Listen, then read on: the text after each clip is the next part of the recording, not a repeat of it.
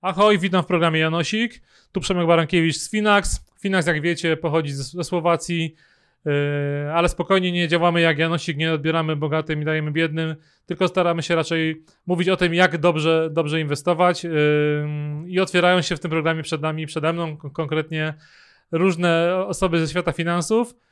Jak wiecie, wiele osób radzi, jak postępować z finansami, jak inwestować, po czym się okazuje, że szef z bez butów chodzi. No i dzisiaj sprawdzimy, w jakich butach i czy ma buty Maciej Kowalczyk. Cześć Maćku.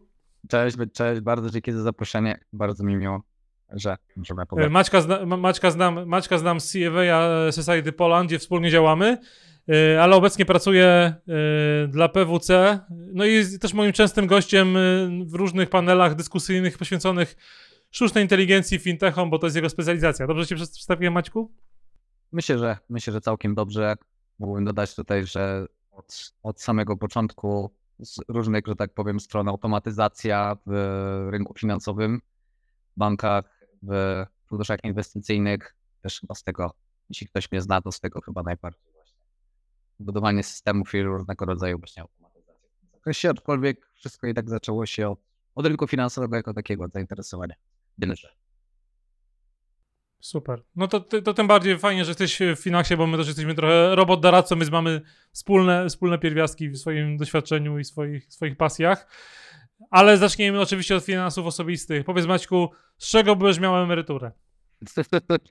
E, emerytura, bardzo, bardzo dobre pytanie. Myślę, że tak jak wiele osób już u Ciebie odpowiadało, jeśli chodzi o taką emeryturę państwową, to traktuję ją, jeśli jakokolwiek będzie, no to jakoś tam miły, miły bonus Natomiast każdy, kto siedzi w temacie, bardzo dobrze wie, że obecny system jest nie do utrzymania i niestety wszystkie dobre kroki, które były podejmowane u nas, u nas w Polsce w kierunku lepszego, bardziej dostosowanego może tak, systemu emerytalnego na naszej sytuacji demograficznej przede wszystkim, były niweczone następnie i paradoksalnie tak samo to się tyczy PPK, który jest pewnie jednym z najlepszych programów w tym zakresie tego rządu, a trochę padł ofiarą tego właśnie, że to, ten, że to pewnie, że też ten rząd i ogólnie tych wcześniejszych błędów popełnionych w budowie systemu emerytalnego, stąd mało partycypuję w tych, w tych programach.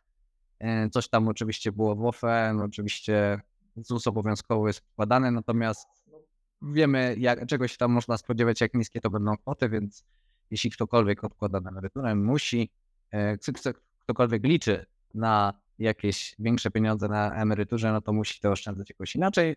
Myślę, że tutaj nie będę jakoś szczególnie oryginalny, aczkolwiek patrząc na liczbę osób partycypujących w tego typu rozwiązaniach, jak IGZE, to może jednak tak, bo mamy zarówno z, żoną pod moimi auspicjami wszystko założone IGZE.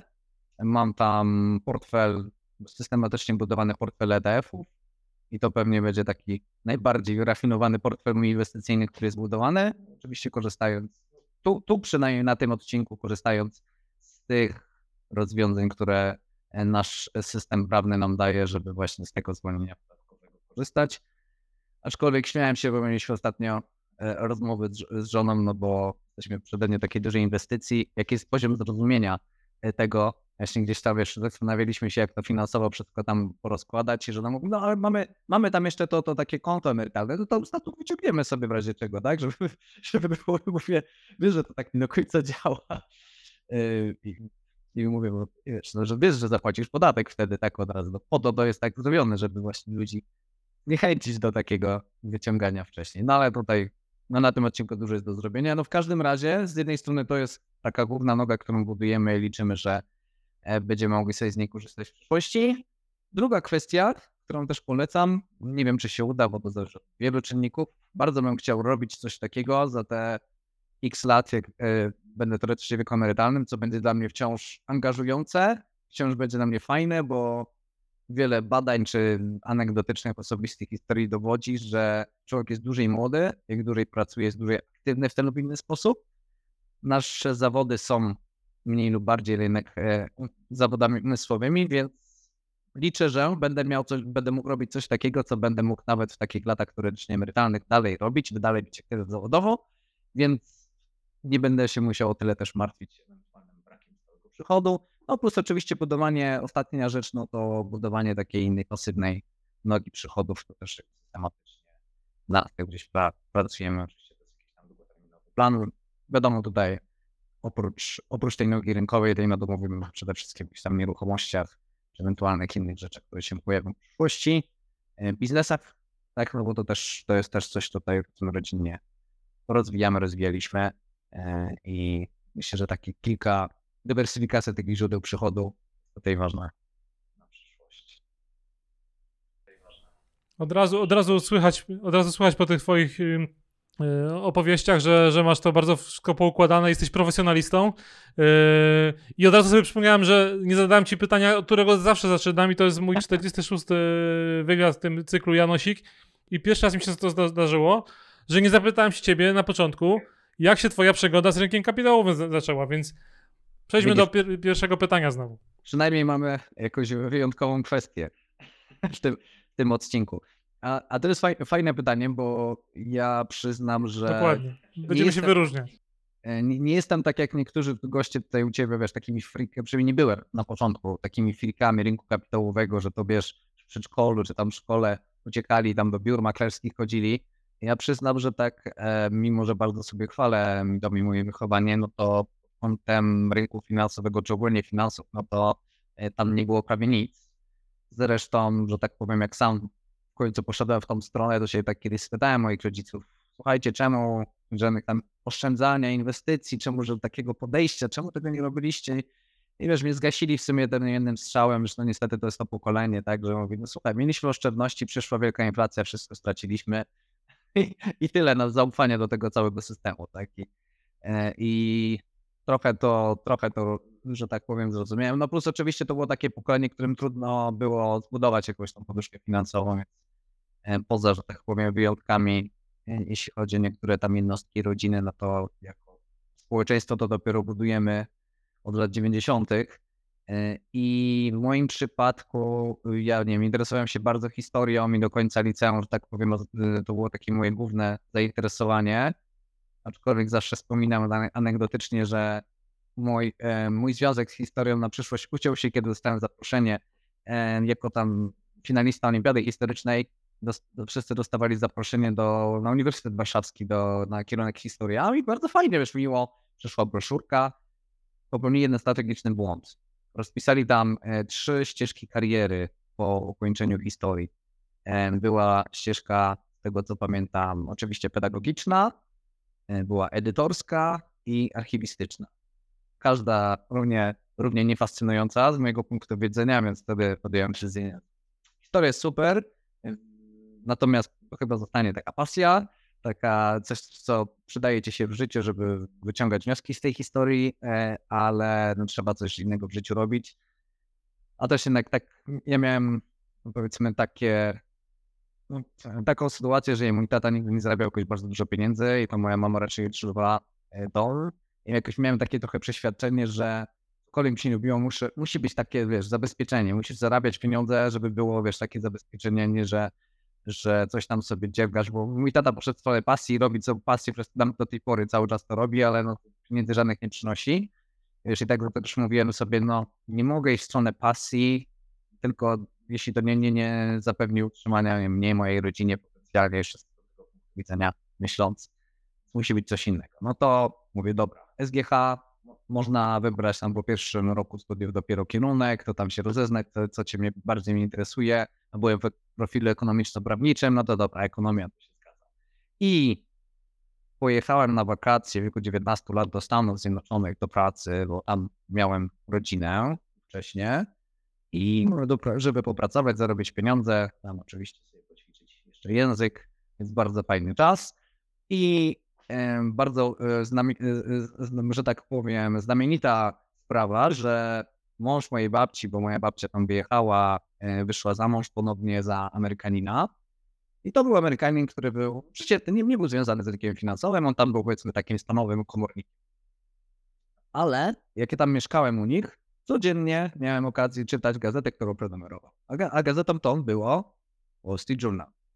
I dzień w dzień, przez 4 miesiące czytania tej lektury, powiem Ci, że e, nauczyłem się więcej niż, e, niż, że tak powiem, w innych okolicznościach pewnie bym mógł. E, no i e, też jakby trochę w wyniku tego, plus wiedziałem na jakie studia idę, starałem się już trochę pod tym kątem przygotować, o funduszach czytać i za pieniądze zarobione w większości, moje zarobione pieniądze po powrocie zainwestowałem w fundusz inwestycji.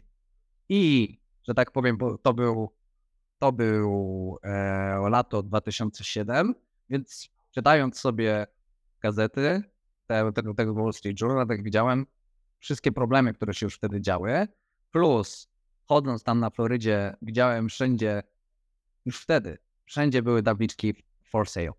Praktycznie wszędzie, każdy budynek. Po prostu, wiesz, jak szedłem się przebiec, po prostu każdy budynek już przestaje zwracać na to uwagę. Wszędzie one były.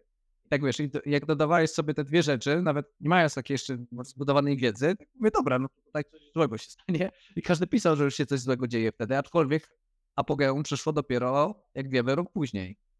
I jakby ja już to wiedząc i widząc, mimo że widziałem te, wiesz, te stopy zwrotu już, jakie wtedy już były na funduszach, e, aczkolwiek jeszcze miało być większe lat zwykłych, dobra, wiedziałem, że muszę coś takiego alternatywnego zainwestować, no więc za, zainwestowa- znaczy, no, zainwestowałem te środki zarobione na mm, taki fundusz, który teoretycznie miał być takim hedge fundem trochę, ale takim dostępnym, to przez oferty Superfunda wtedy było, który jak wiemy, hedge fundy najlepiej powinny, powinny e, performować w okresach właśnie kryzysu. Tak? Więc to była taka idea i to była moja taka pierwsza praktyczna, praktyczna styczność z rynkiem.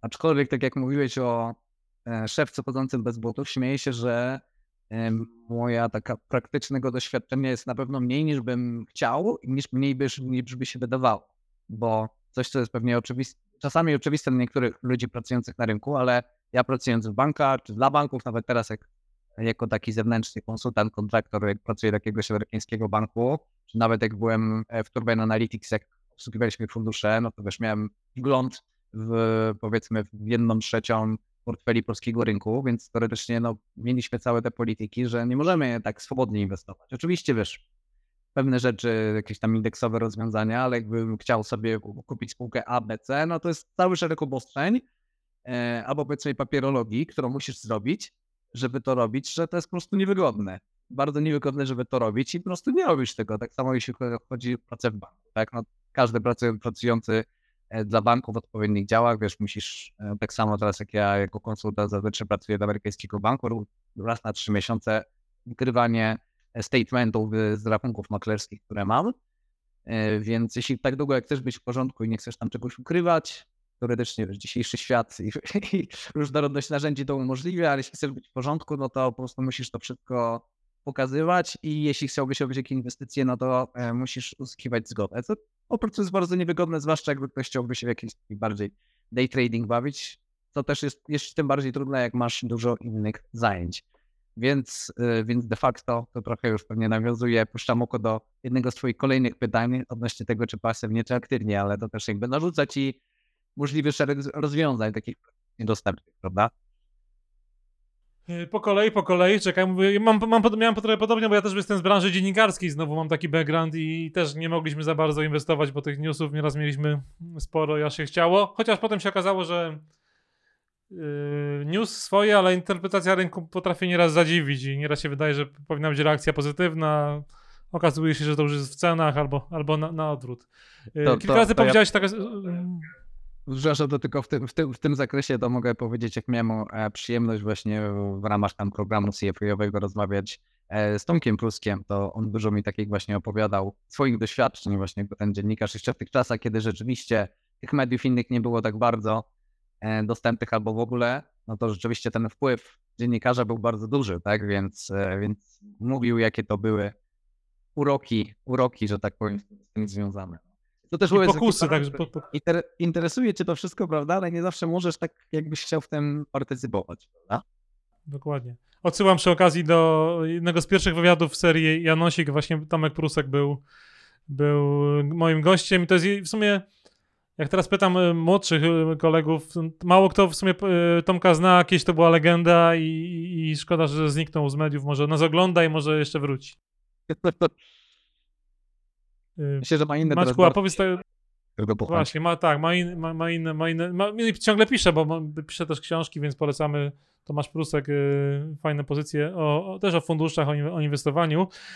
Y, Maćku, a powiedz y, taką rzecz, bo kilka razy użyłeś słowa poduszka finansowa, to już padło. Y, w Twoim przypadku z czego taka poduszka już jest, albo może dopiero ją budujesz? Jak ona jest mniej więcej, jak jest duża, w sensie ilokrotność Twoich miesięcznych wydatków, a może w ogóle nie masz takiej poduszki?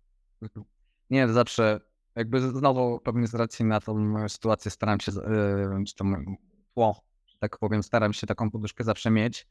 I e, to jest też taki żywy temat rozmów u nas w domu, bo e, moja żona to by wszystko od razu inwestowała, dobra, do zera, dobra, zarobi się zaraz, będziemy mieli, będziemy mieli, zarobi się, już mówię nie, nie. I to nawet właśnie, że tak powiem, nasza na świeżo rozmowa, że, że tak powiem, ze względu na to, że właśnie jesteśmy w przededniu takiej dużej inwestycji, bo a to też a propos jakby dywersyfikowania działalności też tego, że ta nasza poduszka finansowa to teraz była głównie budowana, e, bo moja żona jest stomatologiem, więc robimy taką większą, że tak powiem, większy, większy gabinet albo małą klinikę.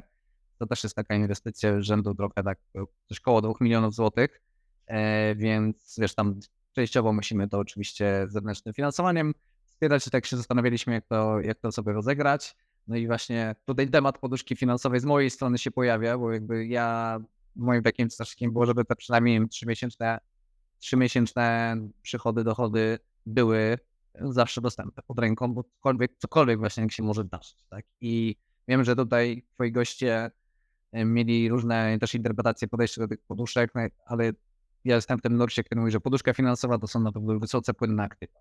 Typu, że nie wiem, jeśli coś się dzieje dzisiaj, jutro, potrzebuję tych pieniędzy, to je mam, więc to, to musi być albo gotówka, ewentualnie łatwo dostępne, łatwo dostępne lokaty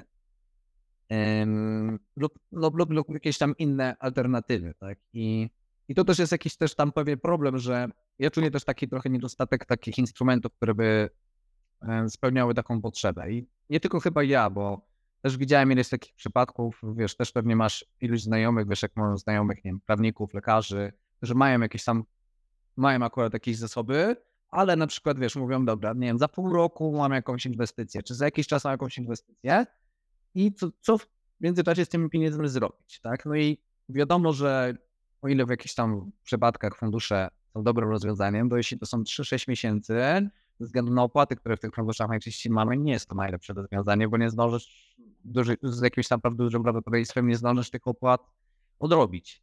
I, no i ten wachlarz jest tutaj często bardzo słaby, zwłaszcza w świetle tego, że no, wiemy, jak wyglądała oferta lokat bankowych bardzo długo, gdzie mimo nawet jako stopy wzrosły, te oprocentowania niekoniecznie wzrosły. Już nie mówiąc o tym, że e, też na takiej codziennej płynności te, te oferty są bardzo niewygodne. Nie masz takiego, trudno są dostępne takie produkty, żeby na przykład automatycznie coś ci tą płynnością płynnością zarządzało. Czyli na przykład, nie wiem, jak miałem kiedyś jeden z banków, no to sobie codziennie strzelałem overnight, tak? Ale to było trochę na zasadzie takiej, bo była taka oferta, ale bardzo mało banków ma taką ofertę. Nie wiem, czy którykolwiek teraz ma jeszcze na dzisiaj. I, no i druga sprawa, że nie dało się tego zautomatyzować, tylko musiałeś to robić yy, na na osobistym poziomie. Oczywiście korporacje mają takie możliwości, aczkolwiek, aczkolwiek często te oprocentowania też są niższe odpowiednio niż dla to też czasami jest szok dla niektórych ludzi, że wiesz, korporacja wydając milion dostaje bardzo niskie oprocentowanie w porównaniu do Kowalskiego przeciętnego.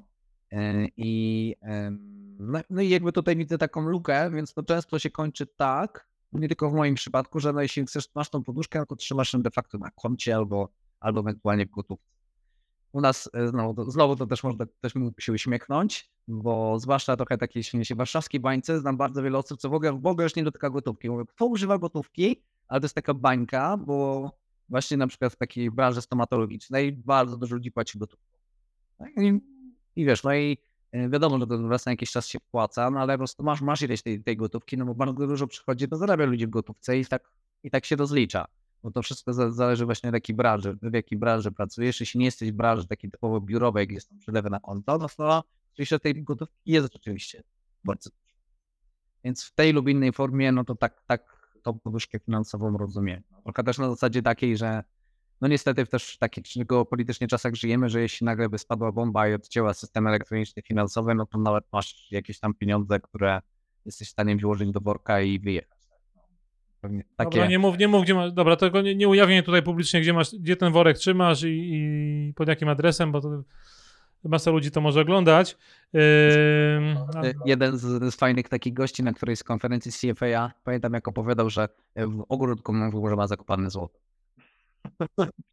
To, to, to, ciekawe, to ciekawe, ciekawe, ciekawe. Pewnie gdzieś. Tak. No dobra, nie, nie, nie używajmy na, nazwisk, bo to może być top secret. Słuchaj, e, ten e, temat wywołałeś już, e, powiedziałeś, że będę o to pytał. Aktywnie czy pasywnie? No właśnie. Ja jestem osobą, która z jednej strony bardzo dużo się interesowałem ETF-ami, że dużo edukowałem się w tym temacie i, i jestem nie wiem czy to dobre słowo, aktywnym inwestorem w ETF.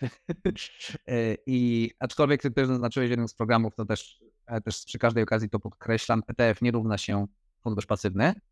E, to jest bardzo ważne rozróżnienie. Aczkolwiek oczywiście większość ETF-ów to są fundusze pasywne, no z drugiej strony coraz więcej jednak jest aktywnych, aczkolwiek nie w Europie.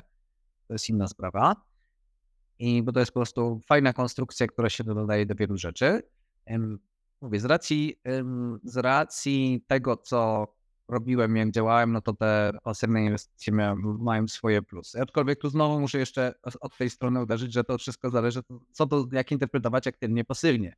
Mam na przykład, wiesz, kolegę działającego w private equity, i on mówi, wiesz, wszystkie takie fundusze akcyjne, które stoją w aktywa rynkowe, to mówi, a to są fundusze pasywne, bo oni tylko inwestują, tylko rzucają pieniądze i nic nie robią więcej. To jest pasywne inwestowanie, wiesz, versus aktywne, gdzie ty jesteś rzeczywiście właścicielem czy współwłaścicielem biznesu, dokładasz swoich ludzi do wiem, zarządu, rady nadzorczej, wprowadzasz jakieś dobre praktyki wiesz, i sprzedajesz ten biznes zysk. To, to jest taka interpretacja aktywnego inwestowania. Oczywiście trzymając się klasycznej E, klasycznej, klasycznej takiej, klasycznego rozróżnienia między aktywne inwestowanie właśnie samodzielnie lub poprzez fundusze, które w ten sposób inwestują, poprzez stock picking i, te, i tym podobne strategie versus indeksowe, no to ja uważam, że dywersyfikacja jest to tezą wskazana i ogólnie patrząc i jest miejsce na rynku dla jednych i drugich, bo mimo tego, że jest bardzo dużo wielu randowników, że super, jest, inwestowanie pasywne jest super, to jeśli 100% rynku byłoby pasywne,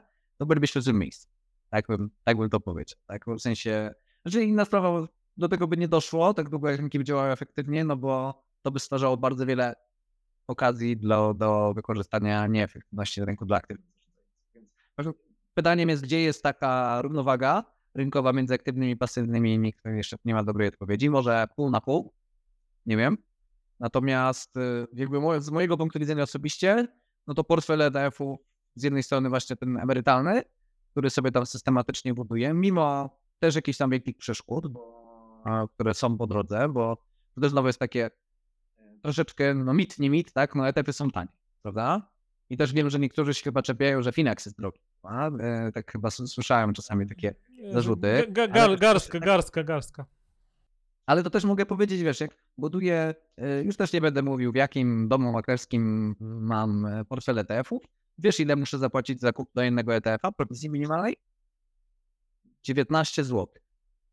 Tak, i teraz jak chcę, oczywiście jak chcę, chcę być super wyrafinowany, zbudowałem sobie portfel, wiesz, zróżnicowany pod kątem geograficznym, klas aktywów i to tak dosyć szeroko i mówię, dobra, zrobiłem sobie fajny portfel, wyszło mi za dużo tych ETF-ów, czyli musiałem zredukować tą liczbę, e, żeby to efektywnie alokować, ale wciąż mówię, no, jak chcesz zrobić, nie wiem, 10, 10 ETF-ów różnych kupić, no to masz 190 zł, tak?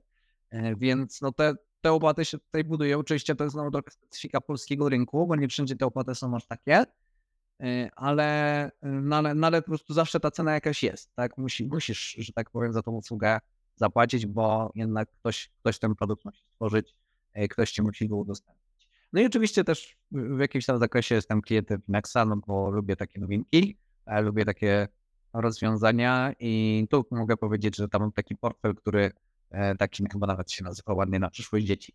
W sensie nie wiem, czy to będzie, już mam tam różne rzeczy, mój syn bardzo lubi motoryzację i tam mi mówi, że tato, czy, czy dostanę Bugatti Veyrona na przykład na osiemnastkę, no to muszę troszeczkę jego zapałą studzić, Um, oczywiście nie dlatego, że mnie nie stać, tylko dlatego, że to byłoby niewychowawcze.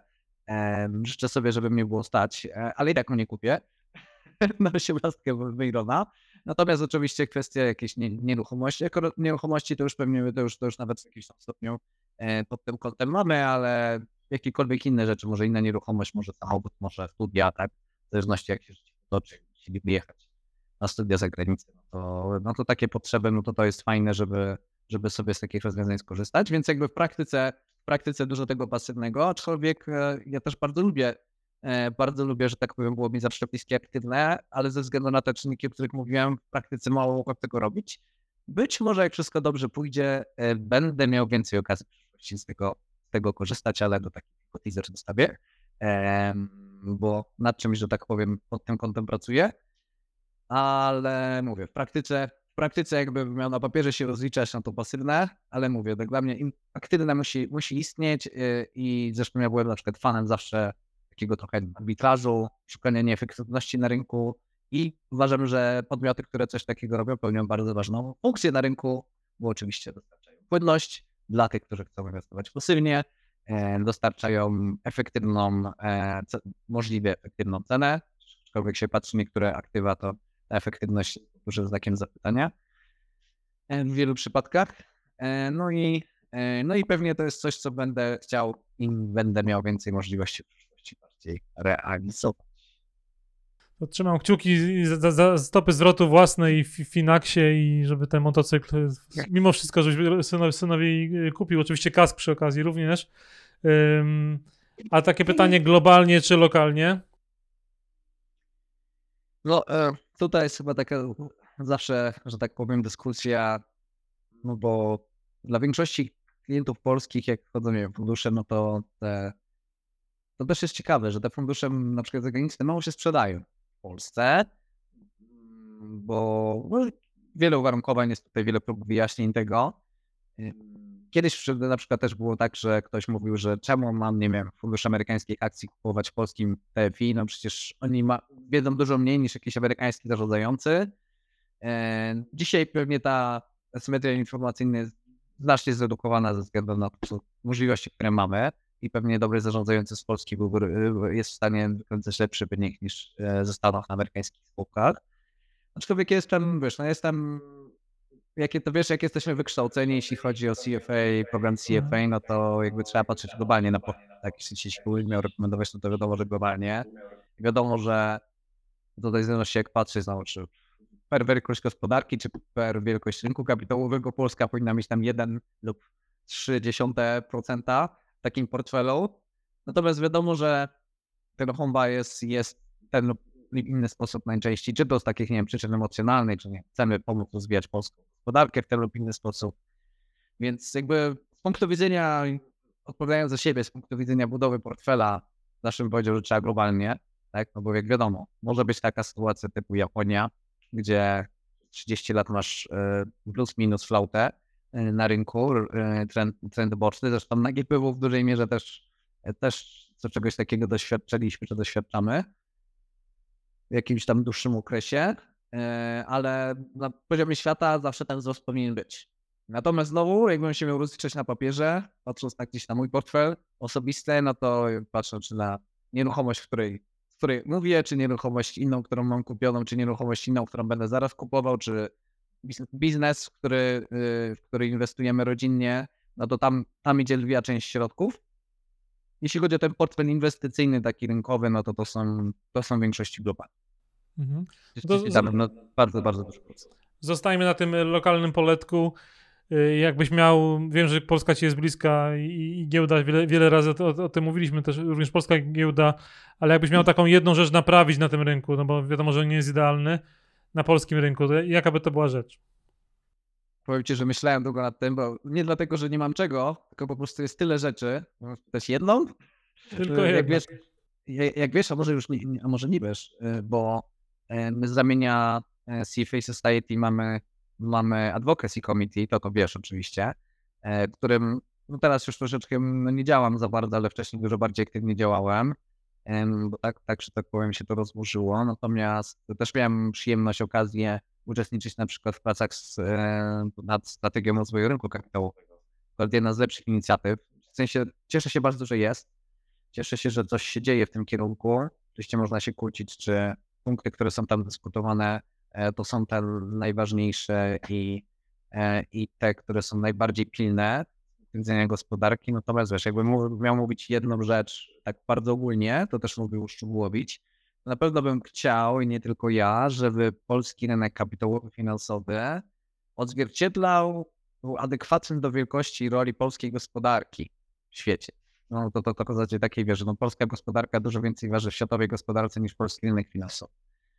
To, wiesz, jakby człowiek to wie, ale za każdym razem jak widzę jakieś zestawienia, na przykład jeśli chodzi właśnie o aktywa funduszy, chyba patrzyłem gdzieś tam w tym tygodniu jakieś tam potrzeby jakiegoś szkolenia, po prostu jesteśmy za, no to, że jesteśmy za nie Niemcami, Francją, Włochami, Wielką Brytanią to jest oczywiste, ale to, że, jesteśmy za nie Portugalią, Szwecją, Belgią, które są jednak kilkukrotnie od nas mniejsze, jeśli chodzi o populację, niekoniecznie gospodarki, w zależności od tego, który kraj, no to to już nie jest takie oczywiste, a jednak jest faktem. Tak, jednak tej, tych aktywów, inwesty- tych, tych środków, które są tak zainwestowane w ten sposób, przynajmniej mamy dużo, dużo mniej. Oczywiście to, że gospodarka jest dużo mniejsza niż rynek, większa niż rynek finansowy, no to jest oczywiście złożona przyczyna, tak, bo też na tę gospodarkę składają się wiadomo firmy prywatne, filie, czy różnego rodzaju inwestycje spółek zagranicznych, tak, ale też są różne narzędzia, żeby, że tak powiem, to zapewnić, które też były w Polsce wdrażane, tak, że na przykład jak bank przychodził, który przyjmował jakiś polski bank, był zobowiązany, żeby się, e, że tak powiem, uaktywnić, na, pojawić na warszawskim parkiecie. Tak, jestem, niestety uważam, że ileś tam błędów było popełnionych przez ostatnie, nawet na przestrzeni powiedzmy ostatnich 10 lat, gdzie GPW pewnie miała, myślę, że właśnie koło 10 lat temu taki bardzo dobry moment, żeby stać się takim właśnie tym mitycznym liderem regionu. Wiesz, gdzie zaczęły przychodzić te spółki z Ukrainy, gdzie była mowa o tym, że, że połączyć się z Wiedniem, czy, czy nie. Była ten, ten, pamiętasz ten moment. Myślę, że wtedy było tak na fali, tak Polska była takim liderem, jeśli chodzi o IPO w Europie, czy tam no, oczywiście po Londynie. E, I, e, no i to był taki fajny moment, który można było wykorzystać. No i później, jak wiemy, wydarzyła się seria kilku wydarzeń, która spowodowała, że no, co najmniej stanęliśmy w miejscu, żeby nie powiedzieć, że się cofnęliśmy. Nie chcę powiedzieć, że się już nie da wrócić do tego, ale pewnie będzie teraz trudniej to zrobić. Wiadomo, że są nadzieje w postaci PPK. No, wiesz, to z takich bardziej mikro, konkretnych rzeczy, no to wiadomo, mówi się wiesz, o podatku Belki. Zresztą z tego, co słyszałem, nawet chyba przynajmniej jedna z partii politycznych gdzieś tam do, do swojego programu wróciła. Więc aczkolwiek to wiemy, że ten podatek jest od 20 lat, od kiedy powstał jest, jest już likwidowany. Ale śmieję się, że do czasu, kiedy ktoś nie siada przed tym budżetem państwa i, i patrzy, że jednak musimy sfinansować te obietnice, a tutaj mamy jakieś do przychodów. Ale problem jest szerszy. Oczywiście z jednej strony, wiesz, e, fajnie było, jakby więcej spółek było na przykład na GPW e, i tutaj mamy problem taki, że jest trochę regulacji europejskich, które bardzo zniechęcają przynajmniej w polskiej, w polskiej interpretacji zniechęcają emitentów, żeby być na giełdzie albo żeby się na niej pojawić. E, natomiast myślę, że przy odpowiednim wdrożeniu, takim podejściu do tematu mogłoby być to, mogło być to zrobione lepiej. No wiadomo, dochodzą do tego szeregi jakiejś tam nieprawidłowości, które się u nas na rynku działy, czy to z punktu widzenia emitentów, czy jakieś tam manipulacji, to, to nie zachęca. Natomiast mamy jakieś tam unikalne, unikalne kwestie, które można byłoby wykorzystać, czy ten może to nie jest wyraz dużej, y, dużej dojrzałości, ale no duży udział inwestorów instytucjonalnych. Wiadomo, że tu szereg tych problemów, które można by było zrobić, ale jeszcze jeden taki najważniejszy miałbym powiedzieć, który by pewnie pomógł wszystkim innym e, problemom, to jest edukacja finansowa, która wciąż uważam, że nie tylko ja, na szczęście, że jest na bardzo słabym poziomie w Polsce i zresztą cieszę się bardzo, że CFA Society podejmuje w tym e, kierunku działania i współpracuje z innymi które, e, instytucjami, które w tym kierunku podejmują działania. Jak wiesz, jest bardzo fajna eduakcja, czyli takie nauki, e, żeby nauki, brzmi to tak górnolotnie, no, takie spotkania, prezentacje, warsztaty sprowadzające do rynku finansowego dla młodzieży szkolnej, licealnej, co jest bardzo fajne, tylko że to są, no to to jest jakby, że tak powiem, bardzo mało w morzu potrzeb. I wydaje mi się, że tutaj mamy wciąż dużo do zrobienia, bo znowu każdy, kto jest na przykład Stanów Zjednoczonych, gdzie mówiłem, ludźmi, którzy nie mają związku z rynkiem finansowym żadnego, a można z nimi porozmawiać o tym, jakie są stopy procentowe, o, o cenach obligacji, o tym, co warto inwestować. Nie dotyczy tego, że bardzo szerokiego Google, ale przeciętnie rzecz biorąc, ten poziom jest dużo wyższy. Oczywiście wiemy, z czego to wynika, ciągłości tego rynku kapitałowego y, i kapitalizmu jako takiego, więc jest oczywiste z jednej strony, że mamy tutaj tą lukę do wypełnienia, ale tym bardziej dlatego powinniśmy więcej w to zainwestować, żeby, żeby tą lukę wypełnić. Jeśli ta edukacja będzie, to będzie potrzeba, zrozumienie, jak będzie potrzeba i zrozumienie, będą lepsze produkty, będą, będzie prawo lepsze pod tym kątem wszystkim problemy się rozwiążą magicznie. To mówiłeś sporo, sporo tych błędów wymieniłeś e, rynkowych i polskiego rynku, ale teraz skupmy się na tobie znowu. Yy, jakiś jeden błąd, z którego możemy, nasi widzowie mogą wyciągnąć wnioski. Twój błąd inwestycyjny, który chciałbyś tutaj opisać, podzielić się z nim, nie wstydzisz się go. Nie, że żadnym stopniu. Ja myślę, że e, o dwóch rzeczach chciałem powiedzieć. Jedna rzecz to jest ta inwestycja pierwsza, o której mówiłem, bo o ile, że tak powiem, też myślę, że ważne, o ile pewnie jakbym się postawił Dzisiaj oczywiście z moją wiedzą w tamtej roli, no to trochę bym inaczej podszedł do tematu, zdywersyfikował sobie to jeszcze bardziej, ale jakby na stan ówczesnej mojej wiedzy wybór, który zrobiłem był racjonalny. Jak wiedziałem, że zbliży się jakiś kryzys, wiedziałem, że taki rodzaj funduszy powinien mnie przed kryzysem obronić, ale nie obronił. Okazało się, że straciłem tam, nie pamiętam już dokładnych liczb, nawet trudno mi było sprawdzić, bo przed naszą rozmową, bo to na papierze jakichś tam archiwach moich domowych, ale to pewnie tam 20-30% stracone. Oczywiście później to wyciągałem, no to tam troszkę tam odrobiło um, od, od dołka, tak, ale no to było tego, tego rzędu kwota, bo to dołku to tam było jeszcze mniej. E, I no i przynajmniej o tyle byłem racjonalny, że wiesz, że nie wyciągałem na dołku, tylko czekałem aż trochę odbije i na szczęście trochę odbiło. E, to też zresztą jest bardzo ważna, bardzo ważna rzecz też, że to trochę może anegdotycznie wrzucę odnośnie tego poprzedniego tematu, właśnie jeśli chodzi o edukację i też jakby jak działa polski rynek, bo miałem taką okazję ostatnio, e, znaczy słowo, no, miałem taką sytuację, że e, moja mama była lekarzem i pracowała z nią jakąś rejestratorka w przychodni, więc możesz sobie wyobrazić, jakiego rzędu kwoty taka osoba zarabia. I mówi, że, że przyszła do mnie ta koleżanka mówiła, że jakby wiedziała, co ja, co ja robię i poprosiła moją mamę o pomoc. No i mówi, że zainwestowała, poszła do banku PKO BP i zainwestowała środki w fundusz inwestycyjny. No i wiadomo, znowu to jest kwestia ilość czynników, które się na to złożyły, no ale przy swoim profilu ryzyka, znowu możesz się domyślić, jaki był, dostała jeden rodzaj funduszu. Jaki rodzaj funduszu? Fundusz obligacyjny. Zero dywersyfikacji. To wszystko w fundusz obligacyjny. Zainwestowała pod koniec 2021. Przeszła do mnie pośrednio jesień 22. Więc wiesz mniej więcej, jaka była sytuacja. Bezpieczna, eee, konserwatywna inwestycja bezpieczna, konserwatywna inwestycja, która straciła 20%. No i jakby komunikat był taki, że ona chce uzyskać moje pieniądze. Że jeżeli chcę uzyskać moje pieniądze, co ja mogę zrobić? Żeby, żebym pomógł. No i wiesz, no i pamiętam do tej pory, że jak właśnie mówię, że no teraz najlepsze, co można zrobić, no to zostawić te pieniądze i czekać, aż się sytuacja odwróci. Pamiętam, że moja żona była na mnie zła, że to, słuchaj, to ty się uczysz i uczysz tego wszystkiego i to jest twoja rada? Tutaj się coś trzeba zrobić, że ty musisz czekać? Wiesz, to jest takie, to jest właśnie takie naturalne, ja rozumiem tą reakcję, ale y, właśnie to też pokazuje, y, zresztą myślę, że u wielu ludzi związanych z rynkiem to jest normalne, tak? Temat emocji jest, e, temat, temat emocji jest jakby rzeczywiście szeroko zbadany. E, I, y, no i jakby to było o tyle dobre, że przy, przy takim błędzie, wiadomo, zresztą masz dwa wybory, albo niektórzy są fanami na straty, koniec, a, albo właśnie przeczekać w zależności, ale znowu zależy od sytuacji, które, które rozwiązanie jest lepsze. I mówię, to jest o tyle fajny też przykład, no bo mówię, na mój ówczesny stan wiedzy to wydawała się optymalna inwestycja. Nie okazała się taką w rezultacie, a to też jest jakaś nauka, że trzeba, czasami trzeba spojrzeć głębiej. Nie dlatego, że była nieracjonalna, ale dlatego, że może wybór był zły w tym przypadku. Tak? Wybór był zły, że ta strategia nie okazała się tym, czym powinna być, powinienem troszeczkę to głębiej zbadać. No wtedy na mój stan, na mój stan wiedzy wydawało się to ok, nie było. A druga rzecz, którą też lubię podkreślać, i myślę, że też edukacyjnie, no bo też jest jeden z celów twoich, e, twoich programów, jest to, że nie byłem na rynku. Czyli na przykład, jak wiesz, dużo w moim życiu było takich cykli, że zbieraliśmy na jakąś inwestycję. Pierwsza inwestycja na przykład sprzęty, e, czy to czy w dom, e, to była taka pierwsza, wiesz, taka pierwsza nasza wspólna inwestycja z żoną.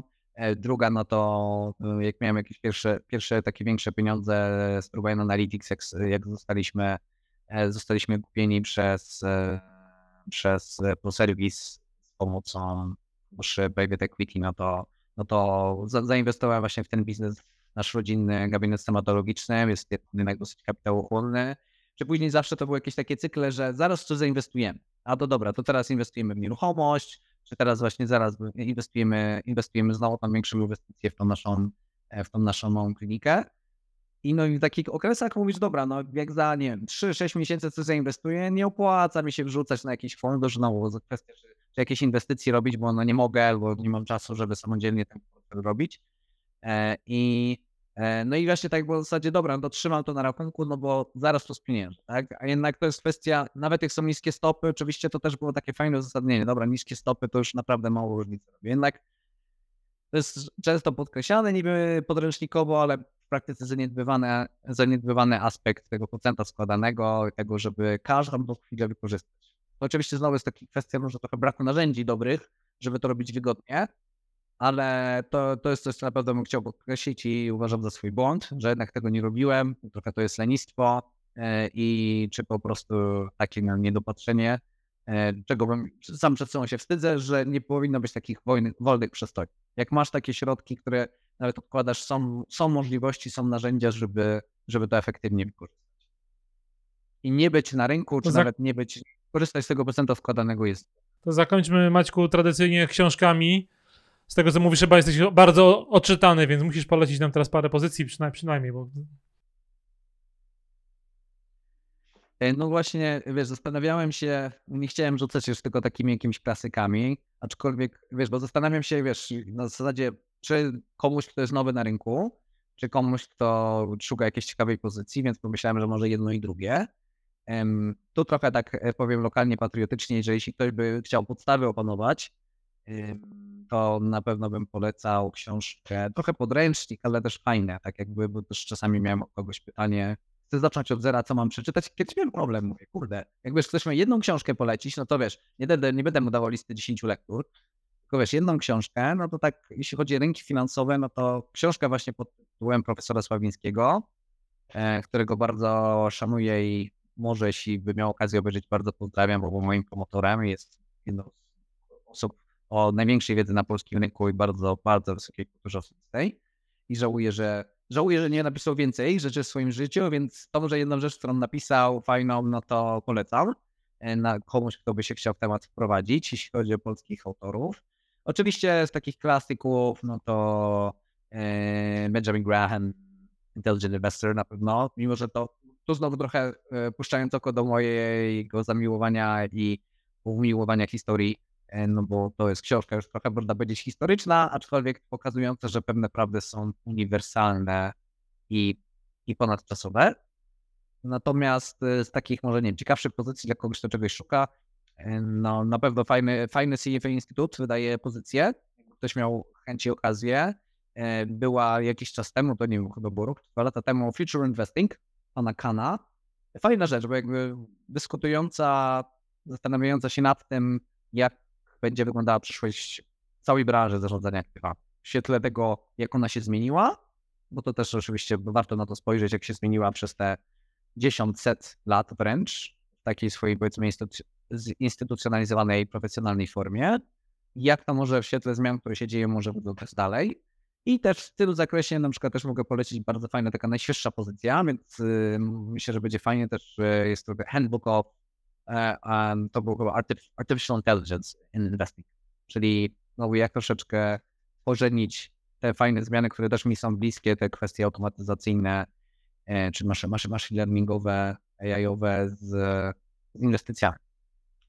I tym właśnie to, to, to jest też ten temat, którym ostatnio się mieliśmy okazję, okazję spotykać, gdzie, gdzie takim konsensusem tego, jak to będzie wyglądało, jest połączenie AI i HI, czyli Human Intelligence.